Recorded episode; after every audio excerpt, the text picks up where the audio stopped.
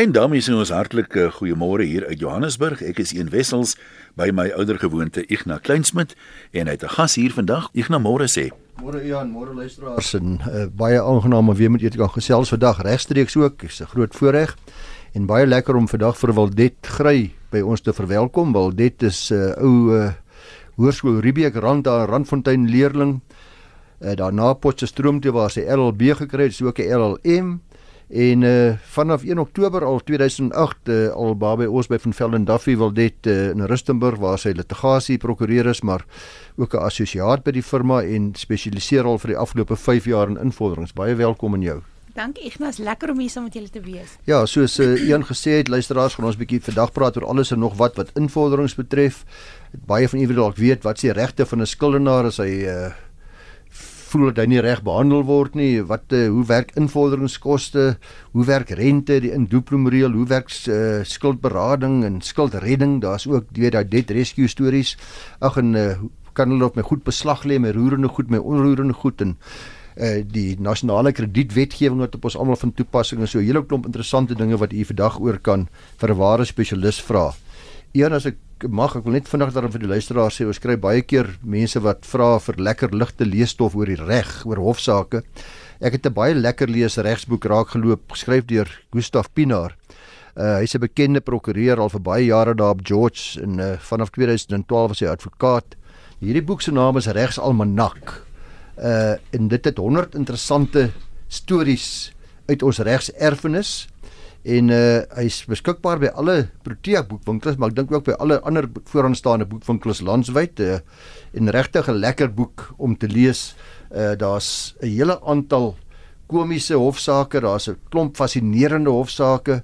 Uh mens skryf waardevolle inligting oor sleutelhofsaake, wetgewing, kleurryke regsfigure, die ou karakters in ons in ons regsgeskiedenis, baie daarvan en ek dink werklik 'n boek wat uh, luisteraars wat hou van van hofsaake sal geniet. So koop gerus die boek Regsalmanak. Ware lewensdramas. Ware lewensdramas. Maar baie dankie ook vir Gustaf Pinaar van Vleesbaai wat vir ons so 'n pragtige boek geskryf het wat so lekker lees.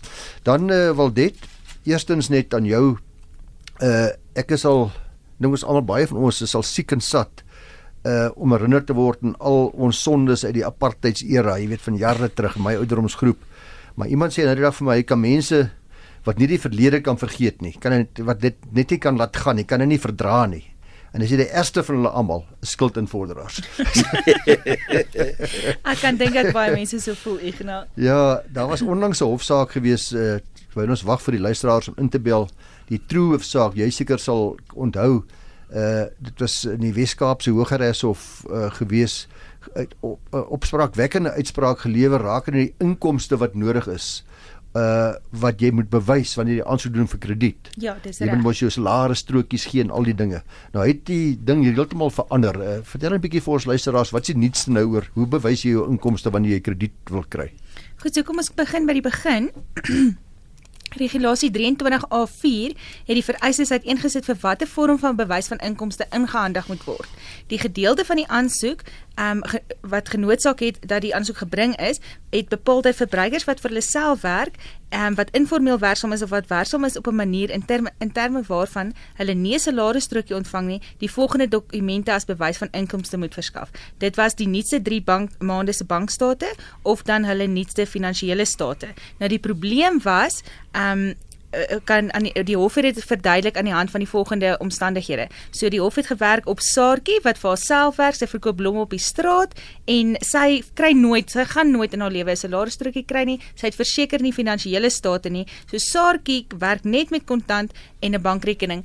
Saartjie word benadeel omdat sy nie toegang kry tot krediet nie, want sy kan op krediet byvoorbeeld skoolklere vir haar kind koop wat sy weer maklik kan afbetaal en dit kan bekostig. So die klomp ehm um, die die die uh, winkels het toe nou die hof genader en het die geldigheid van hierdie regulasies bevraagteken op die volgende vier gronde. Dit hulle het gesê dat dit kom neer op onbillike diskriminasie en onredelikheid.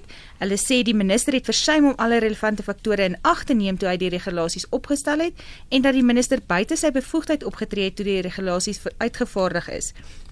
Hulle het ook aangevoer dat die ehm um, daar on, uh, prosedurele onbillikheid was met die opstel en uitvaardiging van die regulasie. Nou die belangrikste een waarna ons kyk vandag is ehm um, die feit dat hulle aangevoer het dis onbillike diskriminasie en onredelikheid. Die applikante het aangevoer dat die regulasie diskrimineer teen mense van 'n lae inkomste klas so Saartjie en hierdie klas bestaan gewoonlik uit arm en voorheen on uh, voorheen, voorheen benadeelde mense. Dit ontneem hulle van die geleentheid om goedkeuring te kry vir krediet. So die hof het toe nou uiteindelik bevind daar dat die regulasie wel teenstrydig is met die doelwit van die nasionale kredietwet, ehm um, wat is om die kredietmark te ontwikkel en toegang te maak vir alle Suid-Afrikaners en spesifiek mense wie histories nie toegang gehad het tot die kredietmark nie. Die ehm um, minister het aangevoer dat die vereistes om 'n bewys te lewer ehm um, as ons da daarvan ontslaa raak, gaan dit ehm um, veroorsaak dat daar baie roekelose krediet is en die hof het uiteindelik gesê maar daardie vereiste is nie daar net om roekelose krediet te vermy nie, dit het die gevolg dat geen krediet toegestaan word nie. So na oorweging van al hierdie faktore het die hof toe gesê dat ehm um, hierdie is 'n ongrondwetlike beginsel en jy hoef nou nie ehm um, daarop aan te dring dat die die die ehm um, applikante vir jou 'n salarisstrokie bring wanneer hulle aansoek doen vir krediet nie die hof het gesê dat uh, die ehm um, elke elke wel winkel of elke kredietgewer gaan maar op die einde van die dag sy eie ehm um, interne beleid moet ontwikkel hoe hulle 'n krediet hoe hulle inkomste gaan verifieer. Ek gaan ons gou vinnig hoor hier by die lyne. Regsake, goeiemôre. Uh, goeiemôre hier in Sprik hier so. Ja. Uh, ek wil net my sê dat maar ek is ehm um, by 'n uh, ek is onder skuld by 'n firma wat se naam nou genoem is En uh die ding is nog nie deur die hof nie, maar hulle betaal nie almal die skuld soos wat hulle beloof het nie, maar hulle vat my premie. Ek het byvoorbeeld uh dagvaarding gekry dat oor ek nie my huis verband word nie betaal nie onder andere. So jy jy betaal geld dan hulle maar hulle betaal dit nie oor soos dit moet nie, is dit wat jy sê? Dis dis korrek ja. Okay, kom ons hoor, luister by die, uh, by die radio asseblief. Ja. Goed, Frikkie, so my advies vir jou sal wees is om ehm um, daardie skuldberader by te rapporteer aan die nasionale kredietreguleerder. Hy sal dan die aangeleentheid verder ondersoek en dan kyk wat daar aangaan, hoekom word die skulde nie vir ehm um, um, of hoekom word jou skuld nie betaal met die geld wat jy uitbetaal nie. Jy moet onthou dat daar ook gevalle kan wees waar die ehm um, die die die jy, jy die aansoek vir skuldberading te laat ingedien is by die hof, nie as gevolg van die nalatigheid van die skuldberader nie, maar doeteenvoudig omdat die kredietgewer klaar die artikel 129 kennisgewings gestuur het teen die tyd wat jy uiteindelik gaan aansoek doen het en dan kan hulle in daardie omstandighede voortgaan met regsaksie. Uh, sê dit gou vir my, as ek regsek sê wil dit dat is nik nie ander skulde wat geraak word deur skuldberader. Hy moet dit ook net verstaan hè. Ja, definitief nie. Dit is slegs ehm um, skulde wat onderhewig is aan die nasionale kredietwet, so skulde wat nou nie daaron onderhewig is nie, soos jou skoolfonds en doktersrekeninge, dit kan gewoonlik nie ingesluit word. En hy het nou gesê hy's gedagvaar oor 'n uh, mag 'n mens gedagvaar word as jy onder skuldberading is. Nee, nie as die proses reg begin is nie en jy dit vroegtydig begin het nie, maar soos ek sê, dit kan nou moontlik wees dat ehm um, die bank reeds die artikel 129 kennisgewings uitgestuur het teen die tyd wat jy gaan aansoek doen het vir skuldberading en da en jy nou daai beskerming verloor het. Goed, so hy moet gaan klaar by die kredietbeheerder en hulle sal dan 'n nuwe skuldberader waarskynlik vir hom aanstel as die persoon nie sy werk behoorlik doen nie. Ja, hulle gaan dit ondersoek en dan sal hulle weer iemand aanstel. Hier's 'n vraag oor iemand wat sukkel om van skuldberading af te kom soos die persoon dit stel. Hy sê almal is nou klaar betaal. Nou ek neem aan daar word 'n inskrywing by die kredietburo gemaak as jy onder skuldberading is. Uh hoe kanselleer 'n mens dit nou as almal nou klaar betaal is? So Ian, wanneer almal nou klaar betaal is, dan kry jy 'n uitklaringssertifikaat van jou skuldberader af en ehm um, dit word dan deurgestuur na die kredietburo toe en hulle is veronderstel om 'n inskrywing af te haal. Daar is nou baie sulke gevalle waar ons skryf waar die mense kla dat daardie inskrywing word net nie afgehaal nie. Ehm um, daar is 'n interne prosedure wat in die wet uiteengesit word wat jy kan volg om dan ehm um, dit aan te spreek. Daar was onlangs 'n geval gewees, ek gaan jy sal nou die die ehm um, naam van die saak hê, maar waar daar juis iemand die Hooggeregshof genader het om te sê maar ek het nou almal klaar betaal, hierdie ding word nie van my naam afhaal nie. Daardie hof toe uiteindelik gevind dat hulle nie kan hulle gaan nie inmeng daarmee nie, want die wet maak voldoende voorsiening om dit aan te spreek. Dis die Palladi versus Lamara saak, nee. Dis hy ja. Dis reg. Ja. ja. Iemand vra hier en ek dink administratief gesproke is daar seker soms probleme Ek het 'n judgment teen my naam gehad, maar dit verskyn nie meer op uh, my kredietrekord nie. Ek neem aan dit is betaal. Kan dieselfde invorderaar weer 'n judgment in jou naam plaas. Nou ek neem aan vir 'n nuwe skuldoorsaak natuurlik, maar seker nie vir dieselfde een nie. Jy moet ook net onderskei wat wel dit is in die die judgment, die vonnis wat hy van praat en die swak betalers aantekening. Ja, so Ehm um, ons kredietburo maak voorsiening vir twee inskrywings. Een is as 'n slegte betaler. Dis nou wanneer jy die die ehm um, skuld of die skuldgewer, die kredietgewer het nog nie voortgegaan met regstappe nie en hy lys jou net as 'n swak betaler omdat jy byvoorbeeld nie elke maand betyds betaal nie en so aan. Nou in daai geval is dit baie maklik om dit af te kry. Ehm um, en jy kan ook nie twee keer vir dieselfde skuldoorsaak vir jou daardie daardie inskrywing maak nie. Net so ook met 'n vonnis kan jy nie twee keer vir dieselfde skuldoorsaak ehm um, jou lys by by die kredietburo as of of die vonnislys nie, maar wat jy moet onthou is daardie vonnis wat gekry is teen jou naam, wys vir 5 jaar op jou kredietrekord, maar dit is geldig vir 30 jaar. So hy kan nie weer die inskrywing op jou kredietrekord plaas nie, maar hy kan wel voortgaan nog vir 30 jaar lank met invorderingsstappe om hy geld te vorder. Ja, dis nou nie hier of dit volop betaal was of wat die situasie was nie. Ja. So ons nog 'n oproep nie, maar wil jy Nee, opvolg as, as jy praat van 30 jaar, dan praat jy van omdat die vonnis nie binne 30 jaar verjaar nie, maar as daar nog nie 'n vonnis is, dan is die verjaring anders nê. Ja, ja, ek nou dan as jy nie 'n vonnis bekom het nie vir jaar jou eis na ehm um, na 3 jaar. Ekskuus, ek sê nou as jy nie vonnis bekom het nie, maar dis eintlik as jy nog nie dagvaarding uitgereik het nie. Ja. Jy moet binne 3 jaar ehm um, vanaf die datum van die ehm um, ontstaan van die skuldoorsaak moet jy dagvaarding uitreik. Anders verjaar jou eis en dan kan die verweerder sê dat hy nie meer verantwoordelik is vir die betaling en gaan jy jou eis moet laat vaar. As dit 'n kredietwet transaksie was, ehm um, bepaal die kredietwet dat jy glad nie mag voortgaan met die invordering van verjaarde eise. So daai eise mag jy nie eers probeer invorder nie. Ons nie genoeg 'n oproep aan nou regsaake? Goeiemôre, ek skakel van George af. Ja, wat is jou naam? Ek het nie 'n uh, skuld nie, maar daar word gereeld van my bankrekening af geld uitgetrek deur 'n Naidu opsporingsmaatskappy en elke keer moet ek bank toe gaan om vir hulle te gaan wys ek kry 'n SMS dat dit op daai datum gaan afgetrek word. En as ek bank toe gaan, hulle kan dit nie vir my voor die tyd regstel nie. Ek moet eers wag tot daai geld uit my bankrekening uit is en dit gaan nou al aan van 2017. Goed, kom ons hoor of uh, daar raad is. Dis 'n baie ongerieflike situasie mevrou. Ehm um, dit gebeur wel dat dit dat debietorders misbruik word en dan ehm um, is daar die bank die bank is reg. Hulle kan jou nie voor die tyd help daarmee nie. Wat jy wel kan doen is daar is 'n 'n liggaam wat die ehm um, debietorders en die mense wat die, van debietorders gebruik maak ehm um, reguleer en jy kan wel 'n klag by hulle indien. Ek het nou ongelukkig net nie hulle naam en besonderhede by my nie, maar ek sal dit vir ehm um, Ian deurgee en dan kan hy dit dalk op die webblad plaas. Hier's 'n soortgelyke vraag. Iemand wat sê my huiswerker het 'n rekening by 'n klerewinkel oopgemaak, my telefoonnommer gegee en nou betaal sy nie en die mense soek nou die geld by my. Nou jy seker nie verplig om iemand anders se skuld te betaal nie, maar die lastigheid van hulle bel jou nou gedurig. Hmm. As jy sê ek het al gesê hulle moet ophou maar hulle hou aan. Soort ja. soortgelyke situasie. Ja, dit gebeur selfs met my ook waar ek daar's een of ander vrou wat tans besig is om my nommer uit te gee en al haar skulde of skuldeisers kontak my. Maar wat jy kan doen is jy um, kan 'n rekord hou van die kere wat jy vir hulle gesê het dat dit is nie haar nommer nie. Um hulle moet asseblief die nommer delete en dan vra jy hulle naam en kontakbesonderhede. En dan sê jy vir hulle dat jy gaan hulle um verklaar by die ombudsman vir die vir vir, vir die verbruikers. Um dit is in terme van die verbruikersbeskermingswet wat dit vir jou daai opsie gee. En as hulle dan enigsins jy moet en jy sê dit vir hulle op die telefoon oproep ook, as jy enigsins weer gekontak word op hierdie nommer, gaan jy hulle verklaar en daar's groot boetes daaraan betrokke, so dis die enigste advies wat ek vir jou in daai opsig kan gee. En dan maar dalk die aangeleentheid met jou bediende bespreek en vir haar te sê sy moet asseblief ophou. Ja, ek wonder of die bediende nog daar is, maar ja. Miskien net sommer uh, ekskuus, ek net ja. wil sê dat uh, nou dat sy van die ombudsman praat.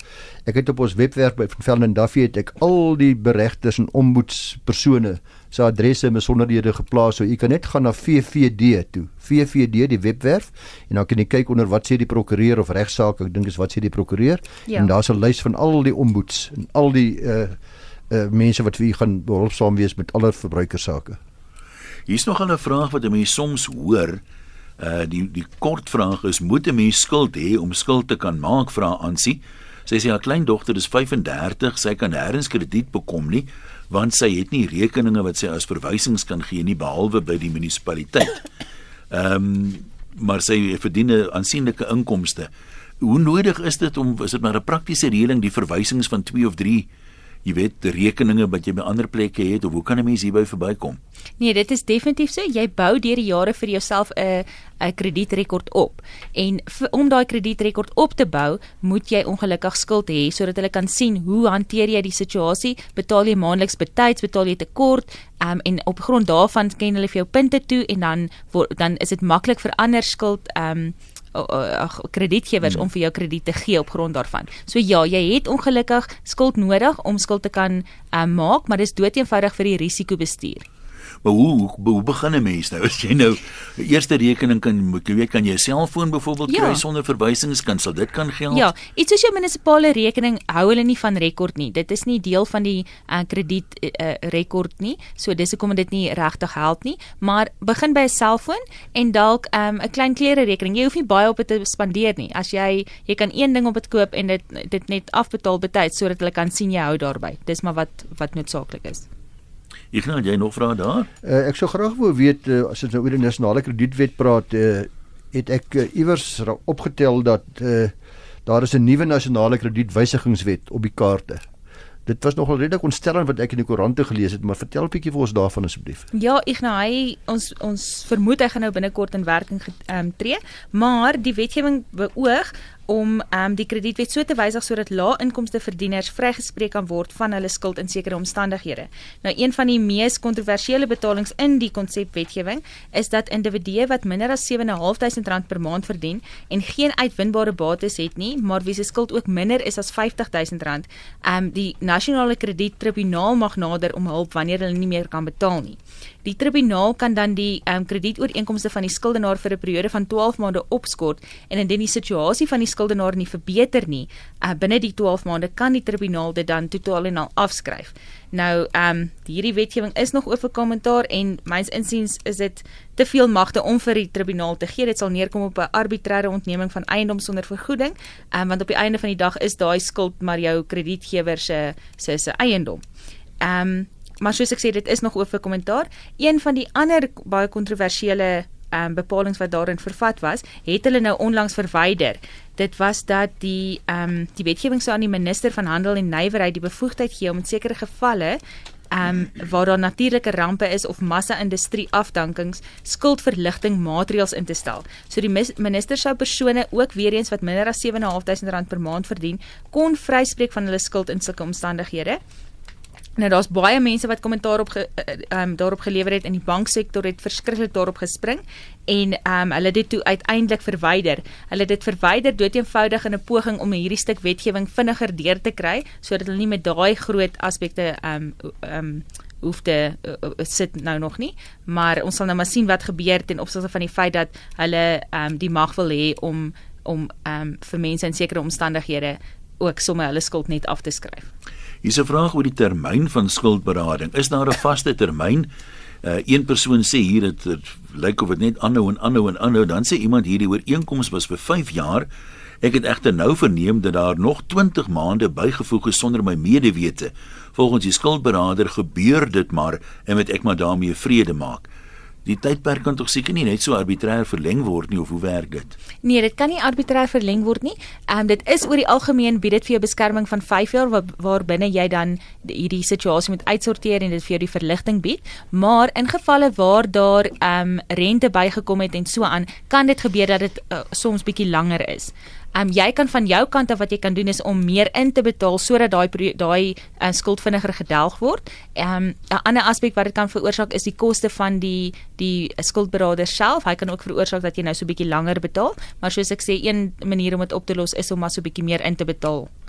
Hier's 'n vraag oor cash loans. Uh, die persoon sê Hulle hou jou bankkaart. Is dit wettig? Glad nie, dit is glad nie wettig nie. As jy so iets teekom, asseblief gaan rapporteer dit aan die nasionale kredietreguleerder. Dis juis hoekom hulle daar is om sulke situasies waar ehm um, spesifiek ehm um, uh, wat cash loans gaan ek nou maar sê, ja. ehm ja. um, die die mense uit by deur hulle ehm um, kaarte te hou. So asseblief gaan ehm um, verklaar hulle.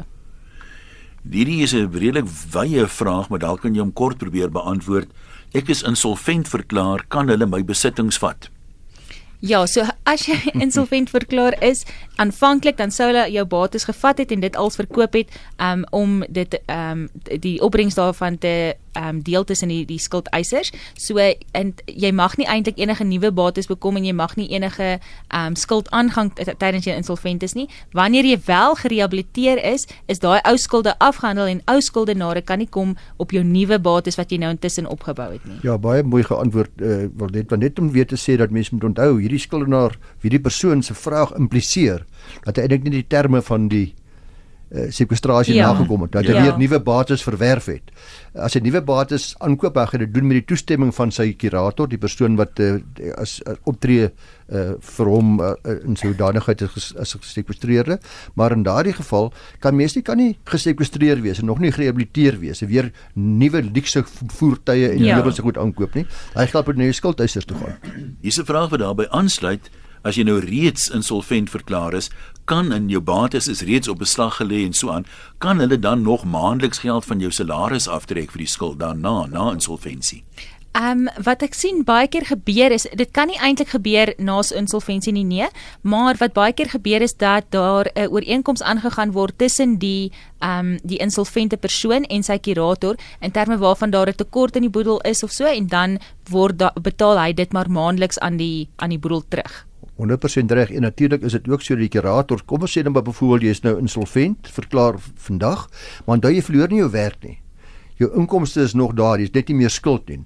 Nou skielik kry jy nog steeds jou 100 000 rand 'n maand of 50 000 rand 'n maand, maar jy het geen skuld meer nie. Met ander woorde, 'n groot deel daarvan kan die kurator nou sê kan geoormerk word om skuldeisers te help afbetaal vir rehabilitasie. As jy met ander woorde meer verdien as wat normaalweg nodig is om aan jou lewensbehoeftes te voldoen, kan die kurator vra dat daar 'n bedrag toegeken word aan skuldeisers. En dan ek dink dit nou sal ons laaste vraag moet wees. Uh, is daar vaste fooie wat skuldberaders kan vra want die persoon sê dit voel vir my betaal nou maar net dubbel. Daar is vasgestelde fooie ja, dit word um, in wetgewing vasgestel. Ehm um, kyk ek gaan maar altyd situasies kry waar mense dit uitbuit. Jy moet dit maar mooi dophou en jy kan ook weer eens aan hulle verklaar by die ehm um, kredietreguleerder en vra dat hulle rekeninge ook nagegaan word om seker te maak dat hulle nie ehm um, of dat hulle wel die regte fooie het. En dan een laaste vraagie, iemand sê jy nou, hoor van 'n ombudsman vir dit en 'n ombudsman vir dat. Waar kan 'n mens kontak besonderhede van hierdie ombudsmanne kry? Is daar 'n algemene webwerf of waar ek sou begin soek as jy ja, met Google byvoorbeeld? Uh, ek het alles op ons firma se webwerf geplaas. Uh, luisteraars, met ander woorde, jy gaan na van Velden Duffy se webwerf toe. Jy kan net sommer VVD die drie voor vir van Velden Duffy. .co.za. .co.za gaan en daar gaan u onder onder wat sê die prokureur? Gaan u daarso die hele volledige lys van al die ombudsmanne kry. vvd.co.za en klik jy op wat sê die prokureur. As ek ook kan ja. noem, um, ek sal ook dat ons dit share op Facebook vir die luisteraar luisteraars wat op Facebook is en dan kan hulle die inligting ook daar kry. En as jy vir ons vrae wil stuur vir toekomstige beantwoording in die program, kan jy dit direk vir Ignas stuur, igna@vvd.co.za. En uh, wel dit wil jy dalk jou e-posadres gee?